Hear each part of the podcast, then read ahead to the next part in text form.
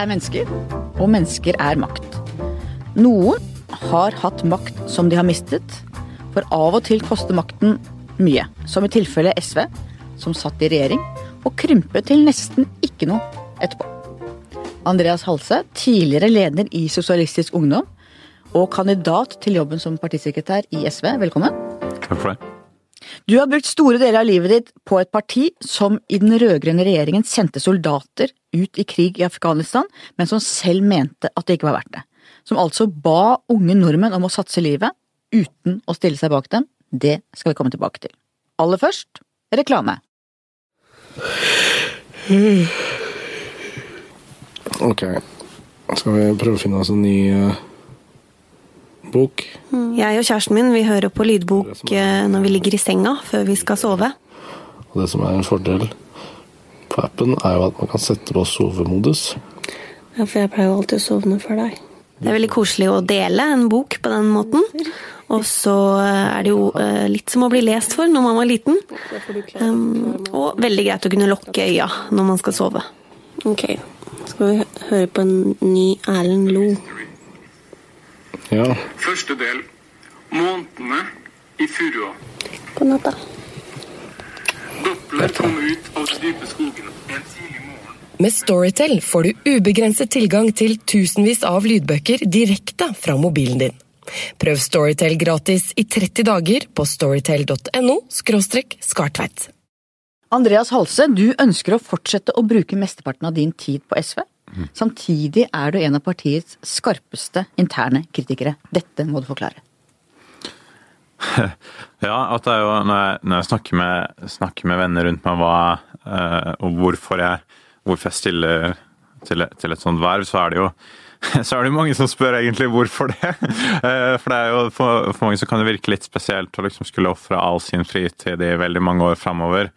Men, eh, men på annen side så er det jo noe jeg, jeg brenner veldig sterkt for, som jeg har brukt, som du sier, veldig mye av uh, livet mitt på. Jeg er veldig, veldig glad i SV. Uh, Og så har jeg også vært en av de som har har utfordra SV både, både internt og eksternt. Uh, Og det er for meg så er det ut ifra, kjærlighet at jeg tror at et parti, og spesielt et parti på venstresiden, blir bedre hvis man tenker gjennom eh, meninger og standpunkter på nytt. eh, Skifter de når de er nødvendig, og kommer på bedre argumentasjon for å forsvare det man mener fra før, hvis det er nødvendig. Du utfordrer, rett og slett.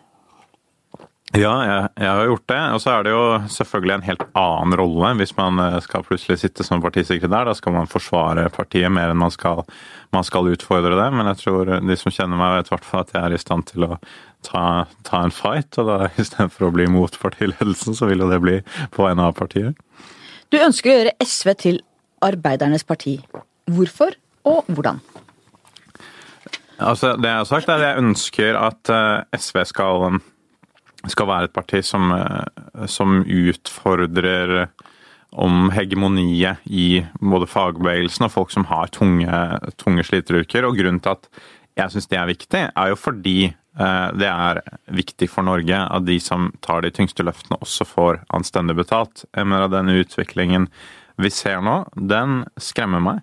At hvis du går rundt på byggeplasser her i Oslo, så er det et arbeidsliv som er satt i hvert fall 100 år tilbake i tiden, hvor de største bemann kommersielle bemanningsbyråene de har mange flere ansatte de enn entreprenørene.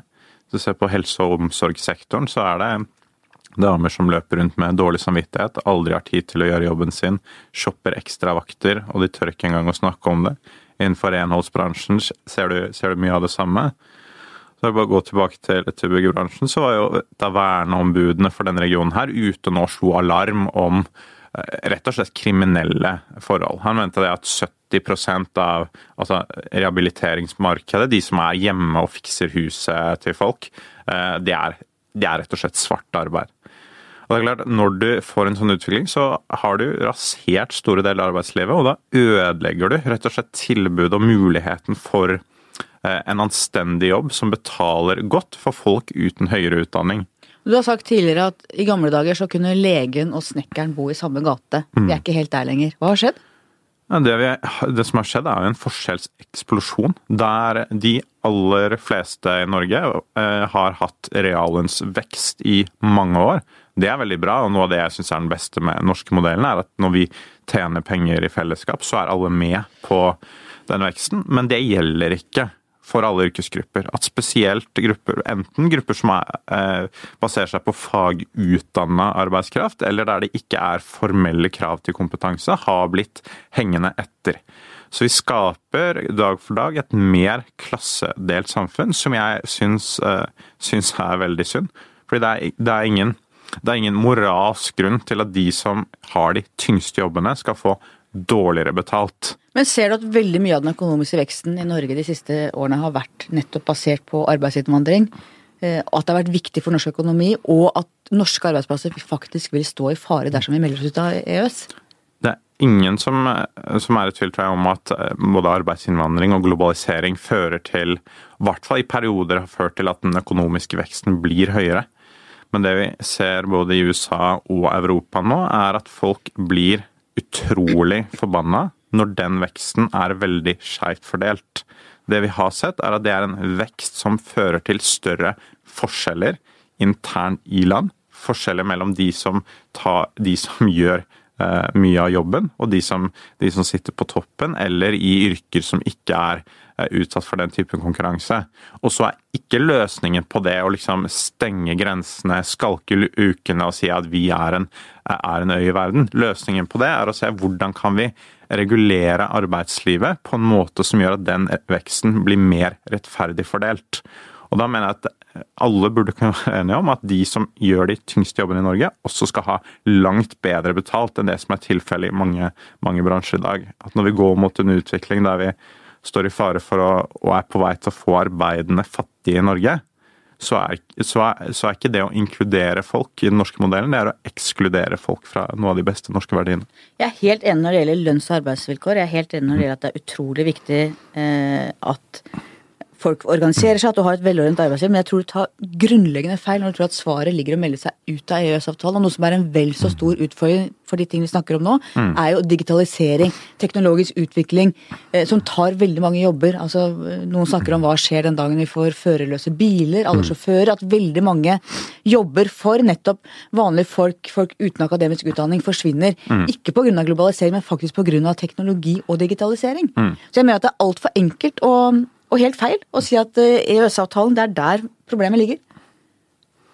Ja, altså jeg, jeg, mener at det er et problem når du får en lavtlønnskonkurranse som er ubegrensa. At når eh, arbeidere som, som, jobber i Norge skal konkurrere mot arbeidere som tjener 30-40 kroner i timen, så gir det en spiral nedover, med mindre vi klarer å få på plass mekanismer som, som sikrer et grunnleggende lønnsgulv for alle. Men jeg er også enig i at digitalisering f.eks. vil potensielt kunne ta mange arbeidsplasser i framtiden, samtidig som det vil kunne skape en del nye. Det, men ikke for de samme folka, som regel?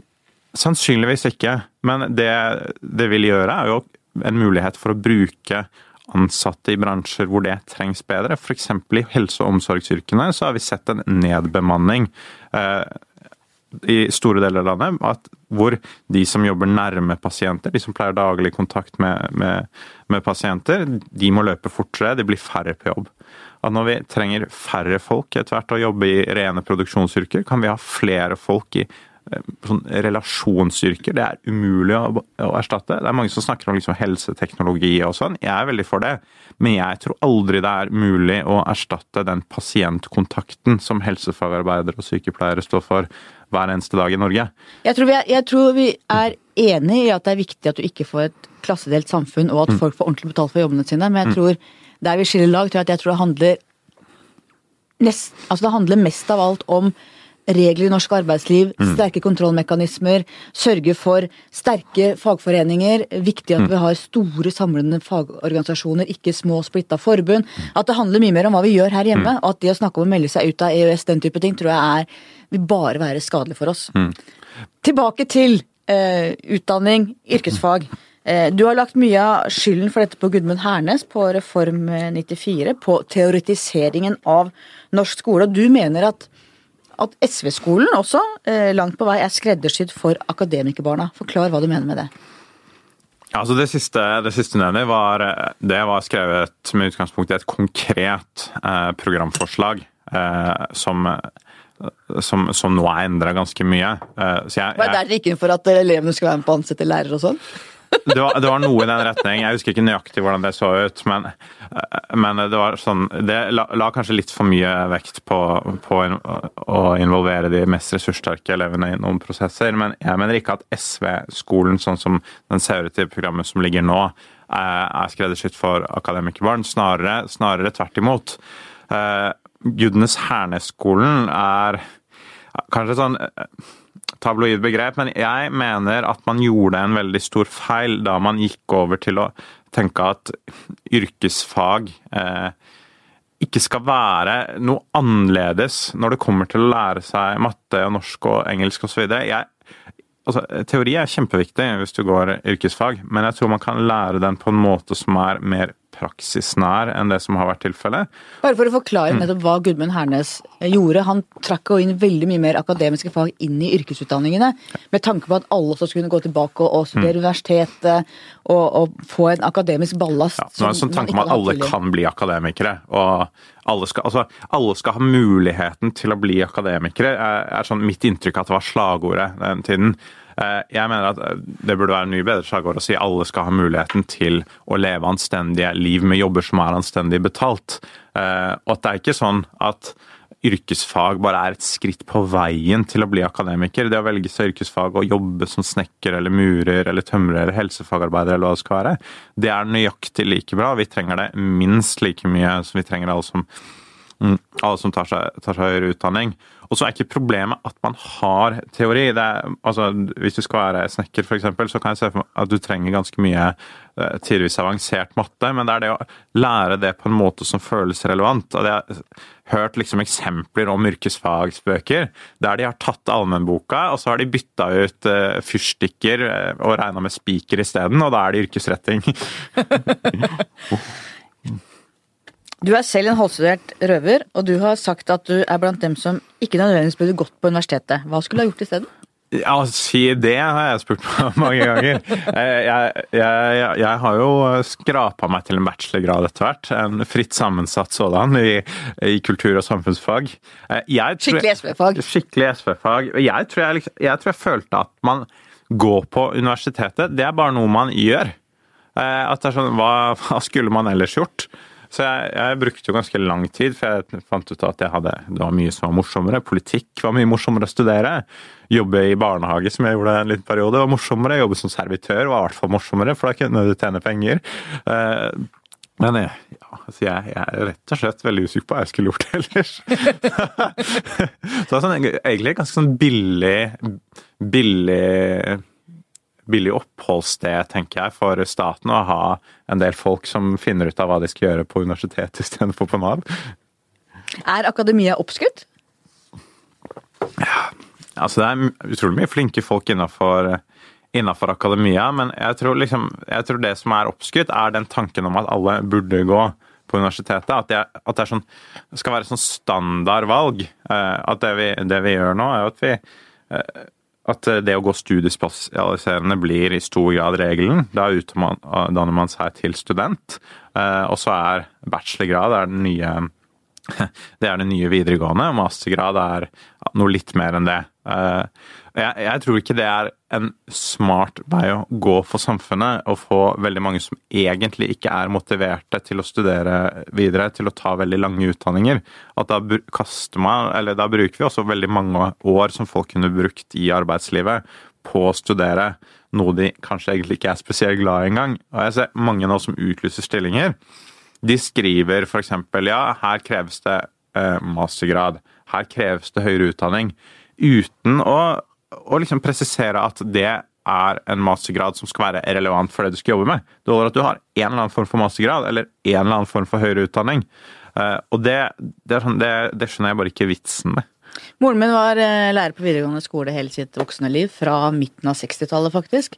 Og hun beskrev den forskjellen når det kom flere og flere elever som nok kanskje skulle vært på yrkesfag, hva det gjorde med klassen, med læringstrykket, og at det egentlig ble ganske feil for alle. Både de som var opptatt av akademiske på skolen, men også de som antagelig hadde hatt mye mye mer glede av å gå en yrkesfaglig retning, eh, mer praktisk retta. Så det skjedde noe fra man gikk fra liksom elitevideregående til alle skal med. Det er mulig at det riktige svaret ligger et sted i midten der. Noen snakker om en reindustrialisering av Norge. At uh, industrien blir, som du sier, mer og mer uh, teknologisert. Krever færre hender, men veldig, veldig kompetente, de få som er der. Som gjør at man kan ta industri som har vært outsourca, gått til andre land, tilbake til Norge, til Vesten. Nettopp fordi det er plutselig kunnskapene som gjelder. Uh, har du troa på det? Ja, jeg tror på det. f- f- Spesielt fordi at vi har beholdt veldig mye industri i Norge. At vi har jo ikke hatt en sånn en helt enorm, i hvert fall eh, bransjer som krever både mye kunnskap og veldig mye strøm.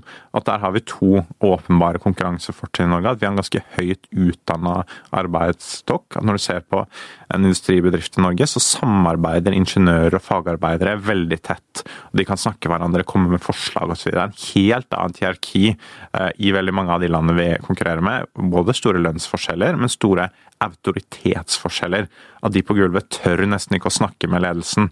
Eh, I Norge er det mer sånn hvis du er ingeniør og har første dag på jobb og kommer på noe som er virkelighetsfjernt, så får du, så får du høre det godt og bli satt på plass av de som har jobba der lenge. Eh? Så Det er et konkurransefortrinn. I tillegg så har vi jo veldig mye kraft i Norge som vi må bruke på et eller annet vis. og på i f.eks. innenfor aluminium så er jo kraft eh, det er, noe, det er en veldig store del av utgiftene. Eh, Og at vi har den, og vi har den billig, det betyr jo mener jeg, at vi burde foredle den og gjøre noe med den, istedenfor å, eh, for å bare eksportere råvarer, sånn som enkelte andre land eh, velger å gjøre. Så sånn, Vi har mye industri i Norge. Vi kan sikkert også etablere enda mer. F.eks. eksempel, Bruk den samme kraften til å ha enorme datasenter osv. Men foreløpig så har Norge tapt en del konkurranser eh, på den delen av næringslivet. Det tror jeg man burde prøve å gjøre noe med. Eh, Du ønsker et tettere forhold til LO, men SV er tross alt en litt fremmed fugl i det landskapet fortsatt. Ja, altså vi, På tillitsvalgt nivå veldig mange steder så er nok SV godt overrepresentert. Eh, men så tror jeg mange på mange av medlemmene i enkelte LO-forbund, og det er jo ikke alle, altså i fagforbund og sånn, så tror jeg, uten at jeg husker tallene, så tror jeg SV er overrepresentert Ja, i offentlig sektor. Ja. Eh, Mens i liksom, hva skal jeg si, privat sektor-forbundet så er vi nok underrepresentert. Og jeg tror det handler mye om at SV oppleves kulturelt fremmed for mange av de folka som, som, som, som jobber i privat sektor. Eh, Jeg mener at tiden er inne nå for å finne en allianse mellom middelklassen og den mer tradisjonelle arbeiderklassen i Norge. Og mye av grunnen til det er at jeg tror den tendensen vi ser på arbeidslivet nederst i privat sektor, der eh, det brutaliseres, det blir mer midlertidighet, flere vikarbyråer osv. Det er en tendens som vil forplante seg oppover i arbeidslivet, hvis ikke vi setter ned foten nå for, eh, for en viss grad av anstendighet. Og du ser det allerede i din bransje, mener jeg. eh, at Jeg pleier å snakke med mye sånn journalister og folk som har vertskap i TV-kanaler. Hvis jeg er innom steder, bare høre hvordan, hvordan forholdene er på jobb. Og jeg blir, jeg blir, jeg blir ikke sjokkert lenger, for jeg begynner å forvente det. Men det er ekstremt mye midlertidighet. Så det er seriø- altså Selv Statskanalen driver og såkalt luftefolk, har folk på midlertidige små kontrakter, helt til de kan begynne å kreve fast ansettelse. Da får de beskjed om å ta seg jobb et annet sted eh, noen måneder og vente til karantenetiden er ute, kanskje en annen del av organisasjonen, og så kan de begynne på igjen. Jeg tror kanskje NRK faktisk er blant de verste. Det er mitt inntrykk også. Ja. Og det er de samme folka som vil ha kompensert arbeidsgiveravgiften av staten, ikke sant? uten å ha en anstendig arbeidsgiverpolitikk. Så. Nå mener jeg at det er en god idé da, for å redde journalistikken, men det er en helt annen eh, diskusjon.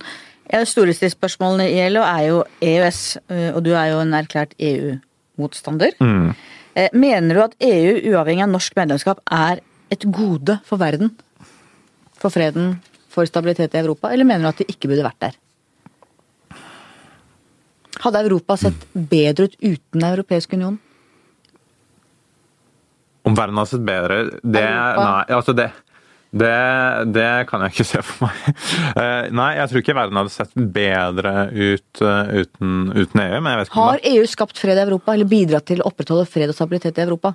Altså jeg tror i hvert fall det som har skapt eh, Det som skaper stabilitet i Europa, er at land i en relativt fredelig sameksistens kan eh, kan handle sammen, at man kan dra på reise osv. Det er jo ting som, som er bra med det europeiske samarbeidet, men som jeg ikke mener at man hadde trengt en institusjon som EU for å få til heller. Eh, og så har EU også bidratt med en viss sånn sosial utjevning i Europa, eh, og bidratt til en del vekst i land som, eh, som tidligere var veldig mye fattigere enn det de har i dag. Spør på en annen måte, da. Ditt nei til norsk EU-medlemskap, Mhm. innebærer det også at du ønsker at EU per i dag skal oppløses? Det, er- det, det høres veldig brutalt ut å ønske at EU skal oppløses. Nei, jeg vil ikke. Hvis jeg kunne trykke på en knapp og liksom oppløse EU i dag, så hadde jeg ikke gjort det. Mest av er fordi vi lever i en ekstremt uforutsigbar tid. Jeg aner ikke hva som hadde vært alternativet. At Hvis jeg hadde bodd i et annet EU-land og skulle stemt over medlemskap, så ville jeg tatt stilling til det. Hva ville du eh, stemt, tror du? Det kommer an på hvor jeg hadde bodd. Det, det vet du, jeg, jeg kan ikke svare på det. Jeg aner ikke hva jeg hadde stemt hvis jeg hadde bodd i, bodd i Frankrike. Ok, men Er det et langsiktig mål for deg at EU skal oppløses? Ønsker du det på sikt? Det er ikke en ting jeg har For å være helt ærlig, det har jeg ikke brukt eh, mye tid på å tenke på i det hele tatt. Jeg Men du er er jo en intens EU-motstander. altså, jeg er eh, veldig sterk eh, motstander av norsk EU-medlemskap. Det er derfor jeg spør deg. EU som sådan har jeg brukt lite tid Men hvordan kan du være så mot en organisasjon som du har brukt lite tid på å tenke gjennom om er eksistensberettiget eller ikke? Ja, nå, nå skal vi se. Nei, altså, jeg, eh, jeg tror, for å være helt ærlig, at Norge hadde kommet dårligere ut eh, av et medlems, medlemskap i EU. Det tror jeg. Og så tror jeg at EU EU som institusjon har også gjort noe med arbeidslivet i Europa som jeg er veldig skeptisk til. At mye av det samme som skjer i Norge, det har skjedd i store deler av Europa. At arbeidslivet i Tyskland f.eks., som veldig mange ser på det som det store økonomiske miraklet, det har jo blitt eh, langt på vei rasert. Hvor du har mange millioner arbeidende fattige som jobber fulltid på dagen, og så går det og hever sosialstøtte på kvelden. Så jeg, jeg vil si sånn at EU har bidratt til, til handel i Europa. Det har bidratt til eh, samhandling i Europa, men det har også bidratt til eh, en tyngre hverdag for veldig mange som har eh, tunge jobber fra før. Så arbeidslivsdelen eh, av, av EU, den, eh, den mener jeg har hatt en nesten ensidig dårlig påvirkning. Eh, Men veldig mange, hvis du ser på østeuropeere som reiser og jobber i Europa, de får en mye bedre hverdag. Du har hatt et kjempeløft i Øst-Europa, i menneskenes liv, i vanlige arbeidsfolks liv, pga. det indre arbeidsmarkedet. Ja, jeg tror svaret på det er dobbelt. for Hvis du ser på mange av de som, som jobber i de mest utsatte yrkene i Norge, og ser på de brakkene de bor og det, den arbeidshverdagen de har, så, eh, så er ikke den bare ålreit, for å si det sånn. Eh, Så jeg tror veldig mange av de hadde kommet også mye bedre ut av eh, et mer ordna lønns- og arbeidsvilkårssystem, hvor de kunne gjort den samme jobben, men eh, på like vilkår som, som lokal arbeidskraft. Så jeg tror Men at det har send, Men at folk sender penger hjem som, som er med til å heve levestandarden, det er helt åpenbart. Prisen for det er eh, en dårligere organisering av arbeidslivet i Europa. Eh, at fordelingen mellom de som jobber og de som eier bedriften, eh, blir, blir dårligere. Så jeg tror at på sikt også så, så vil det være noe som, som endrer maktbalansen i Europa på arbeidsgivers premisser. Og det er sånn varig strukturendring som vil være vanskelig å gjøre noe med. Jeg kjenner at jeg er grunnleggende uenig her. Mm. EU har jo sterke eh, krefter. Du har ILO, internasjonale eh, fagorganisasjonen, som har fått til veldig mange kollektive rettigheter. Som løfter noen, men som da ikke er tilstrekkelig for de som har hatt mye høyere rettigheter tidligere. Hvis du ser på det samla bildet, så er ikke jeg i tvil om at dette er noe som har løftet mange. og her er vi bare grunnleggende uenige, men altså jeg tenker at det hadde ikke vært altså EU har skapt fred i Europa, velstand, samhold i en verdensdel som gjennom århundrer har vært prega av krig, brutalitet, blodsutgytelser. Men her blir ikke vi to enige, tror jeg. Uh, nei, jeg tror, jeg tror kanskje ikke det. Hvis vi ser på venstresiden i Europa, da. Sosialdemokratiets fremtid. Hva tenker du om det? Jeg tenker at sosialdemokratiets fremtid er opp til sosialdemokratiet selv. Eh, og de må gjøre noe grunnleggende annerledes enn det de har gjort til nå. Og nå ser man parti etter parti som rakner. Jeg syns det er egentlig veldig trist. Eh, jeg har ikke noe sånn ønske om, eh, om svake sosialdemokratiske partier i Europa, for jeg tror alternativet til, til det er fort det vi ser nå, med høyrepopulistiske partier som gjør det veldig, veldig bra. Hvorfor klarer ikke venstresida å, å få oppslutning når vi ser den uroen som er nå? Hvorfor er det bare høyresida, høyrepopulismen, som får det? Jeg tror i veldig mange land så tror jeg venstresiden har blitt oppfatta som, som en del av den styrende eliten. At når de sosialdemokratiske partiene har styrt, så har ikke arbeidsforholdene blitt bedre. Fordelingen har ikke blitt bedre. Finansspekulanten som har, som har rasert det finansielle systemet land etter land, har sluppet nøyaktig like billig unna.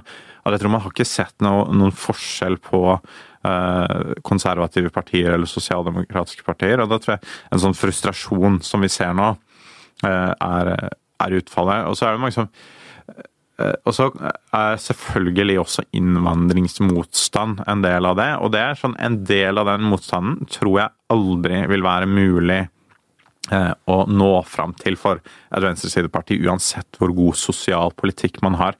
Men jeg tror at del, den delen av høyrepopulismens fremmarsj som ikke skyldes innvandringsmotstand, men som skyldes rett og slett eh, frustrasjon over å være forlatt av systemet, den ville det vært mulig å nå fram til enten for et sosialdemokrati eller for et, et mer, mer venstreorientert parti. Pompulismen og Trump-bevegelsen, mange frykter at det også kommer til Norge. Hva tenker du om det? Den type krefter, da?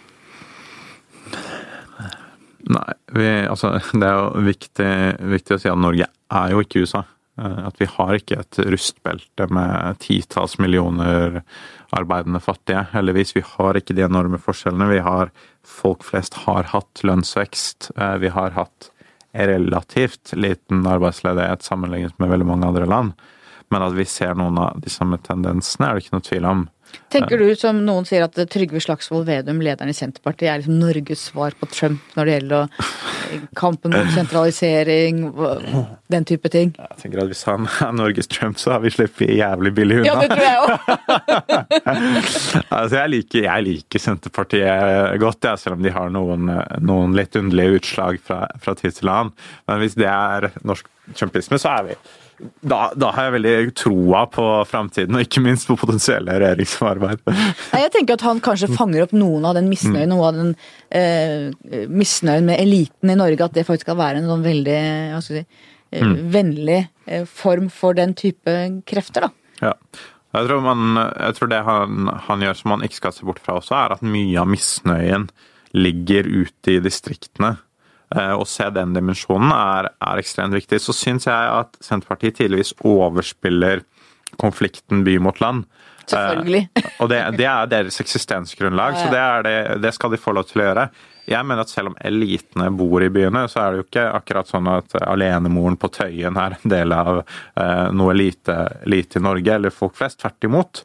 Så tror jeg at, de flere, at veldig mange som bor i byer, de taper jo på sentraliseringen, fordi det fører til veldig mye større press på infrastruktur, høyere boligpriser, mer konkurranse om jobbene osv. Så, videre. så jeg tror uansett hvor du bor, så, så har man interesse av en fornuftig distriktspolitikk i Norge.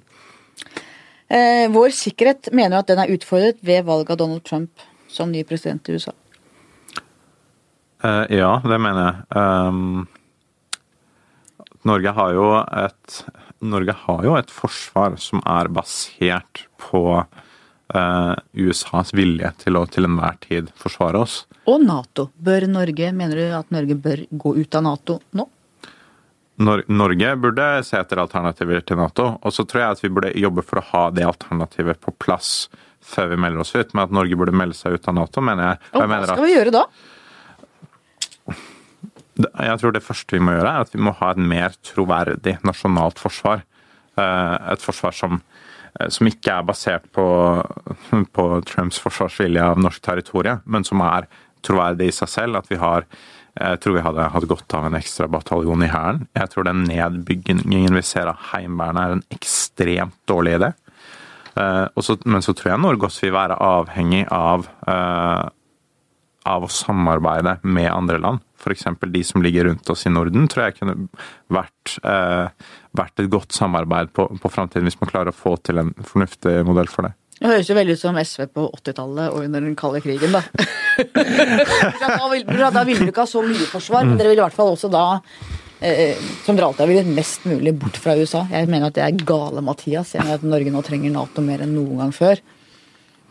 Altså jeg mener at Nato gir en, dårlig, en dårligere sikkerhetsgaranti enn før med, med valget av Trump. At vi kan, Man er så uberegnelig at man vet, man vet hva man gjør. Han har også stilt spørsmålstegn ved hvorvidt Nato ønsker, øh, ønsker å beskytte sine allierte, og det byr på noen enorme, enorme utfordring. Jeg tror, men jeg tror også at uavhengig av Nato-medlemskapet fordi jeg tror, selv om mitt primærstandpunkt er at Norge burde søke til andre løsninger, så er det ikke realistisk at Norge går ut av Nato øh, på kort sikt. Men uavhengig av det, så burde vi ha en mer selvstendig forsvarsevne enn det vi har nå. Istedenfor å være et ledd i et sånt stort Nato-maskineri, så burde vi være en selvstendig kraft som kan forsvare eget territorium. Bør vi opp på 2% av eh, BNP til forsvarsutgifter, slik Nato ønsker?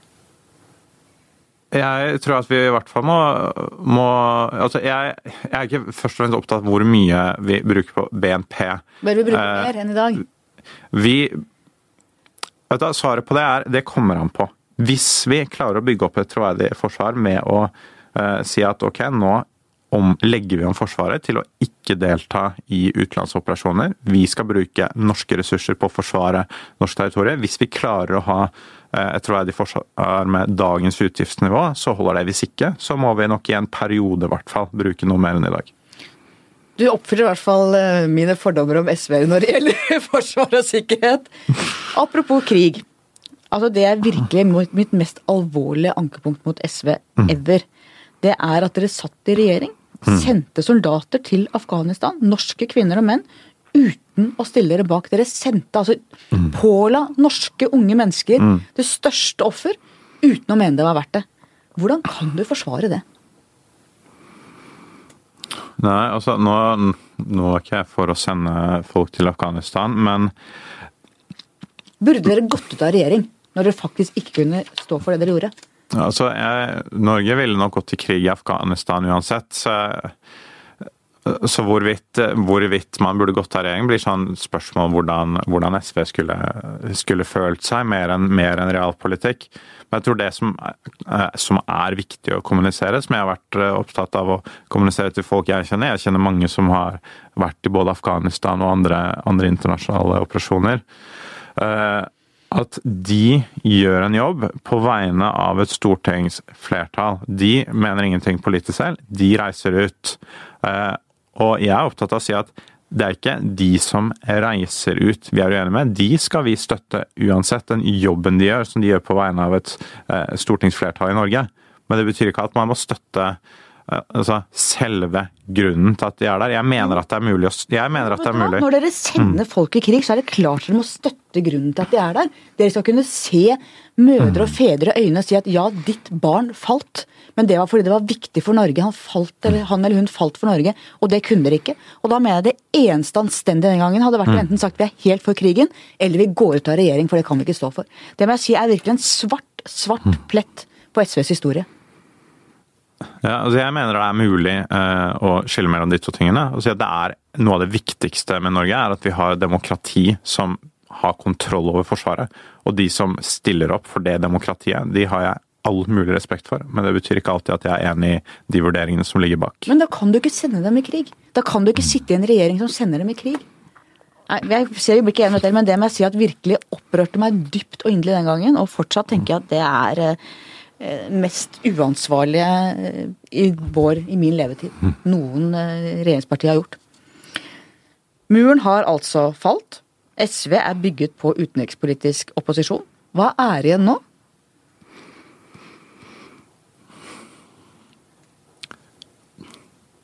Ja, vi altså SV ble jo i veldig stor grad grunnlagt på, altså, på forbudet mot atomvåpen, f.eks. Eh, det mener jeg fortsatt er en utrolig viktig sak. Eh, også en sak som kommer til å komme opp på, på landsmøtet nå, om Norge skal jobbe for et internasjonalt forbud mot atomvåpen eller ikke. Det er sånn, Eh, det, Hvordan ser dere for dere det egentlig, hvis da USA Mm. og vår allierte og alle de som er vennligsinnede i verden sier fra seg atomvåpenet? Nord-Korea vil aldri gjøre det. Iran vil aldri gjøre det. Russland vil aldri gjøre det.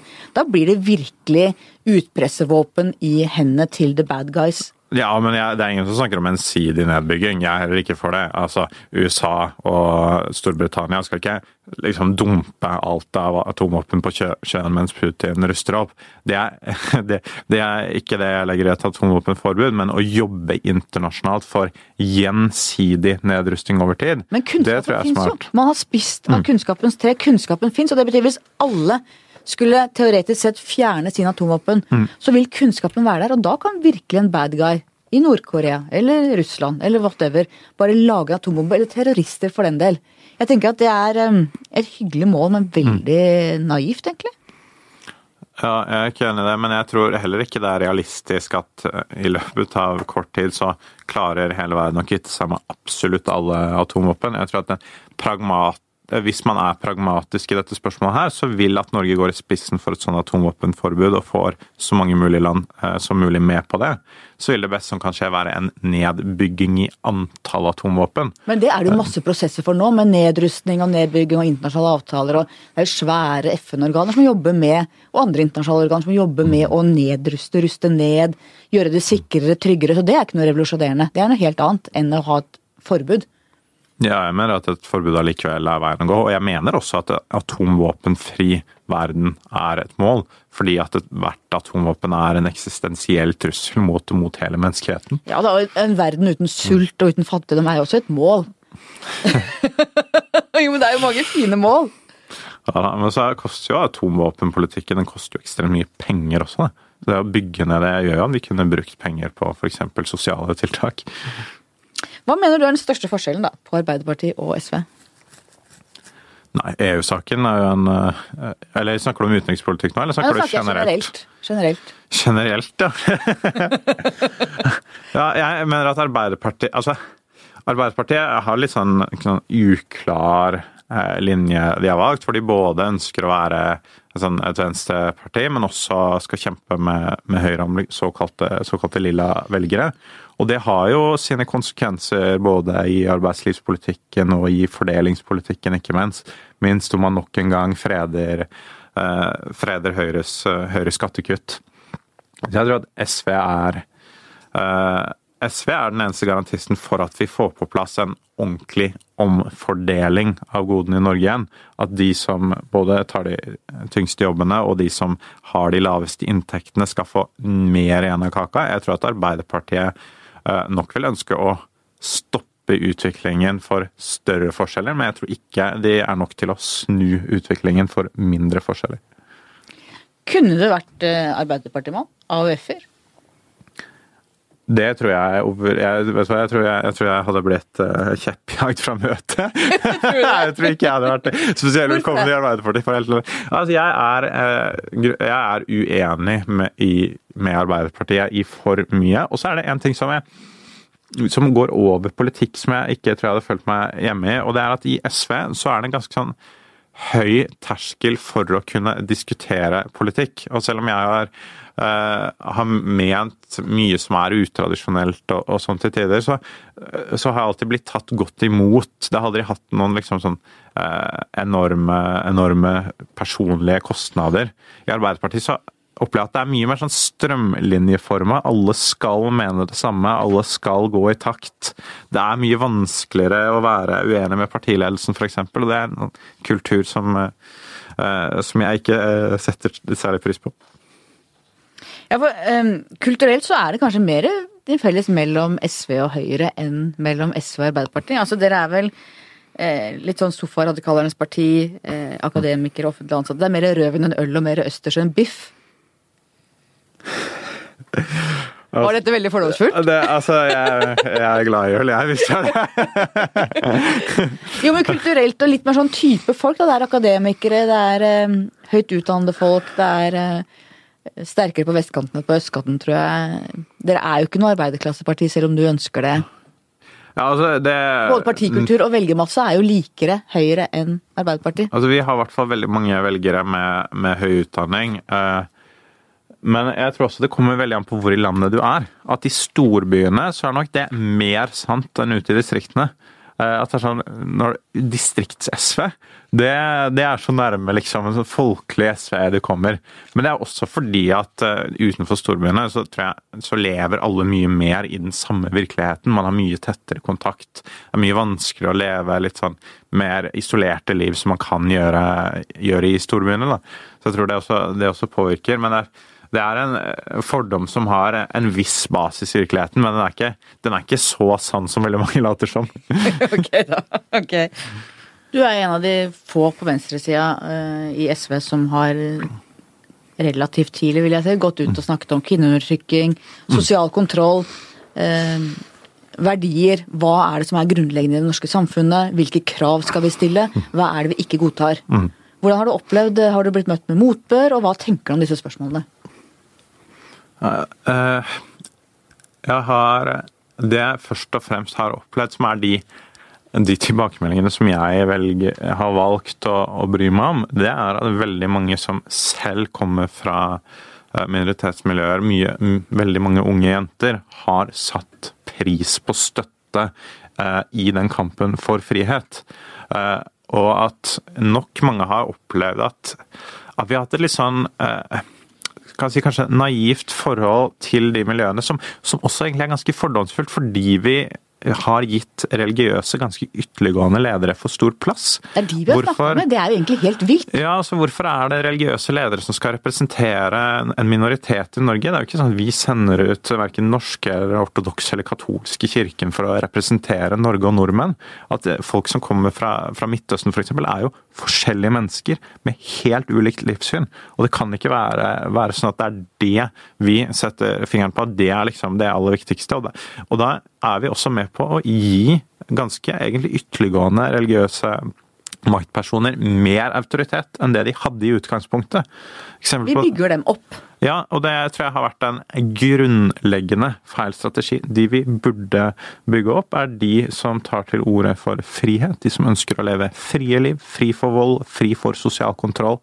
Uh, i, i, og liksom de som er opptatt av at uansett hvor man kommer fra, så skal man ha like mye krav på, på frihet i Norge. Og jeg syns det ligger jeg skal ikke, altså en ekstrem sånn fordomsfull holdning i, i en tanke der man tenker at de som kommer fra feil region i verden, har ikke like stort krav på frihet som vi som er, vi som er født i Norge.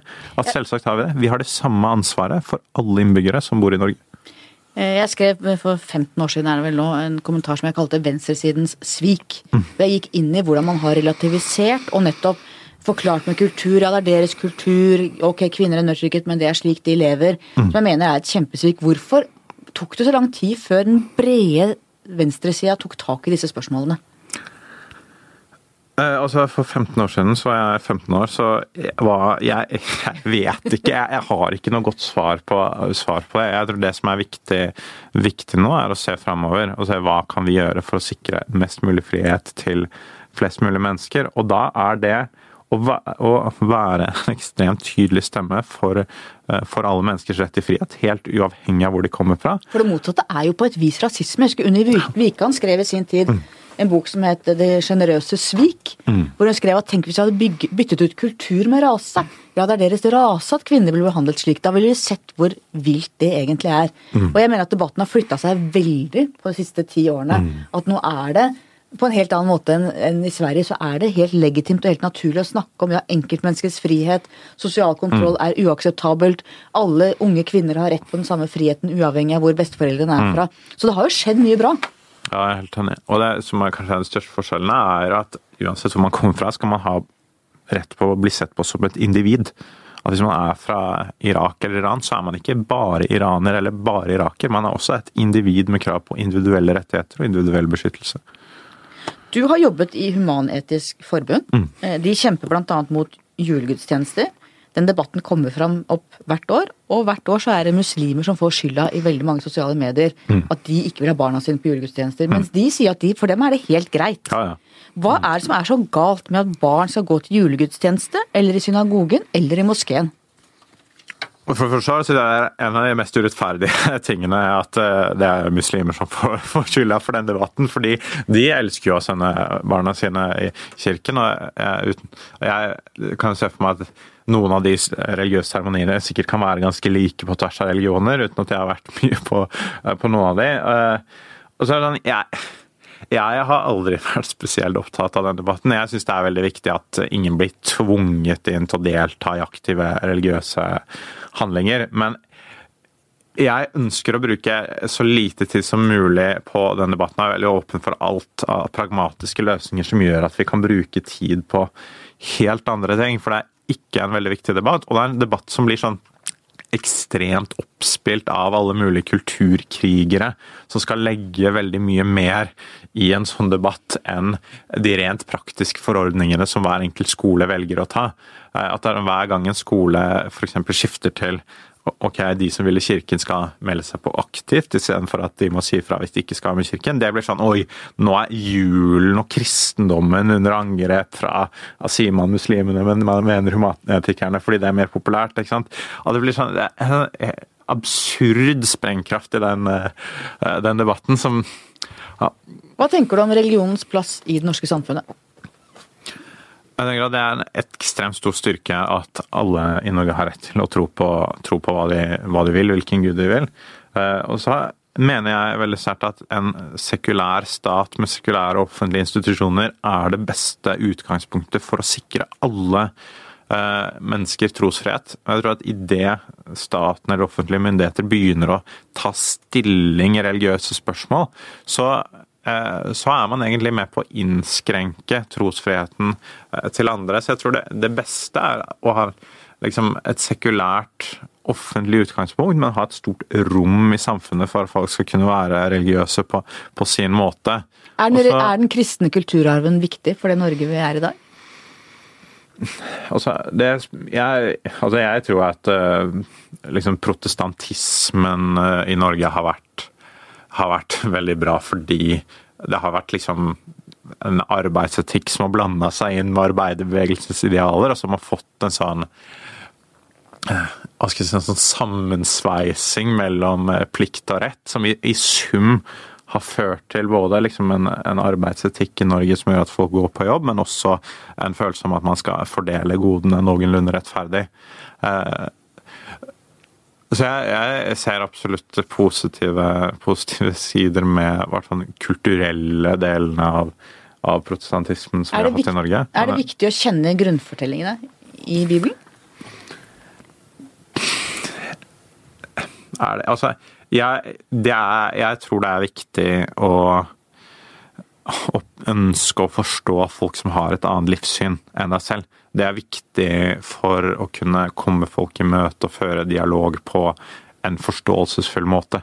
Eh, det, så det tror jeg alltid, alltid er bra. Det er, sånn, er, er Norge først og fremst et resultat av kristne verdier eller ikke? Det synes jeg også er en sånn diskusjon som, som ikke gir meg så mye. for Jeg har ikke noe problem å anerkjenne at kristendommen har vært viktig for mange mennesker, og at det er viktig for mange mennesker. Det er mange mennesker i Norge i dag som fortsatt er eh, sterkt kristne, eh, som er sterkt muslimstroende osv. Det er viktig for, for, mange mennesker. Men det viktigste når vi diskuterer Norge og hva vi skal ha som felles verdier, er jo egentlig ikke å diskutere hva de er basert på, men hva de skal være. Og hva, hvilke verdier er det som binder oss sammen? Som samfunn, som nasjon? Først mener jeg at det er i kontinuerlig forandring, men, eh, men, jeg mener at en veldig viktig del av det for meg er arbeiderbevegelsens grunnverdier. Eh, du skal gjøre din plikt, du skal gå på jobb, du skal bidra til samfunnet, men alt arbeid skal betales anstendig, og vi tar vare på de som eh, ikke klarer seg selv, og det gjør vi i fellesskap.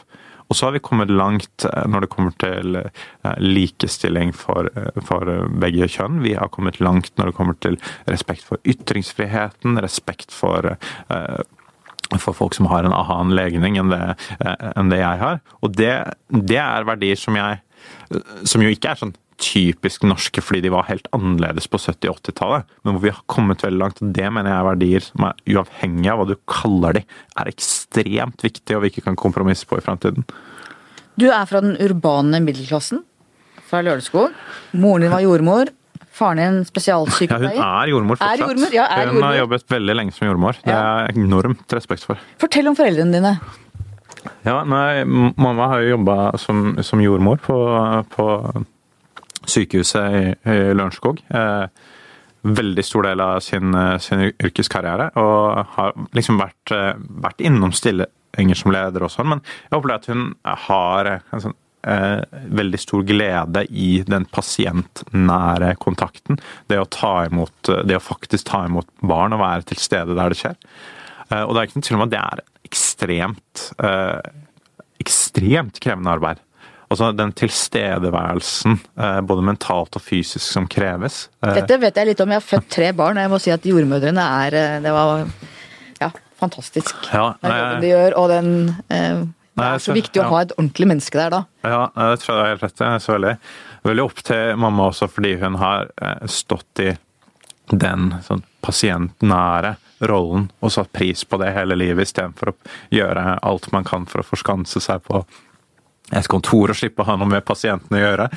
Um, og det er også et arbeid jeg har inntrykk av at det ikke blir noe det blir ikke noe flere ressurser nærme pasienter, for å si det sånn. Det er heller sånn at de som ikke har noe pasienter, eh, med pasienter å gjøre, de har, eh, har vekst og får flere ressurser, mens det hele tiden kan gjøre litt mer med litt si færre folk. jordmorjobben kan ikke digitaliseres. Det kan vi være helt enige om. og det, Jeg tipper du kan ringe mamma, så vil hun også være ganske enig i det.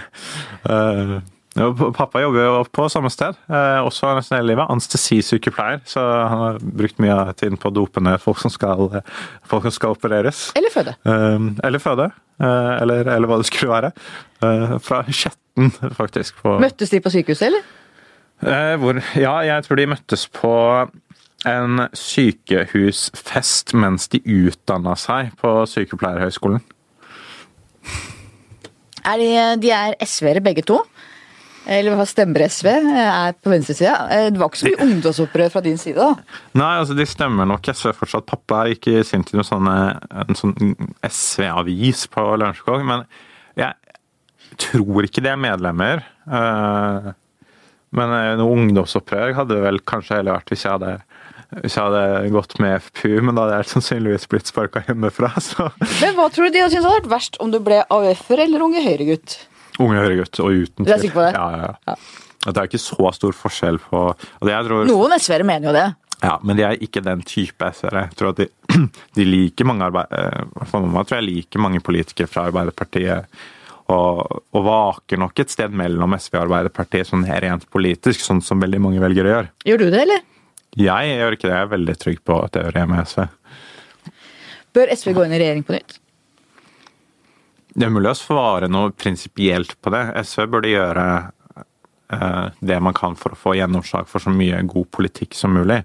Men det er klart, hvis SV har 4% og skal gå inn i en, i en regjering som eh, minipartner med et megastort Arbeiderparti og et Senterparti på 15 så, så sier det seg selv eh, hva, som, hva det kan gjøre med SVs oppslutning. Men hvis situasjonen endrer seg veldig, så er det heller ikke noe man burde utelukke. Men prinsippet kan ikke være liksom, altså Spørsmålet er ikke skal man i regjering eller ikke, spørsmålet er hvordan kan SV gjøre mest mulig bra for flest mulig mennesker. Og hva er dine egne ambisjoner? Kunne du tenkt deg å blitt statsråd, f.eks.? Det, vet du, den tanken har ikke falt meg inn. Eh, Jeg tror det, det virker som eh, ekstremt mye jobb. At jeg tror sånn eh, den, den stillingen jeg stiller til valg for nå, det, det er sånn ofre nesten alt av min fritid. Jeg tror som statsråd så ofrer du den, den aller siste biten også. Så det er i hvert fall ikke en sånn arbeidshverdag jeg tror jeg er spesielt ålreit. Jeg tror det er mye jobb, ja. Ikke noe arbeidsmiljølov der, for å si det sånn. Så hva skal bli historien om deg? Andreas Halse, det var han som Ja, Hva skal man svare på sånt? da? Jeg håper jo liksom historien kunne blitt noe sånt som han som tok Han som bærte SV fra Var med, i hvert fall, og utvikle SV til å bli et parti som fikk mye større oppslutning og eh, ble et tydeligere parti for folk som også har tunge yrker. Tusen takk for at du kom. Takk for invitasjonen. Takk til deg som hørte på. Lik og del, som det heter. Takk til researcher Grete Ruud, og til vår faste produsent Magne Antonsen. Vi høres igjen neste uke.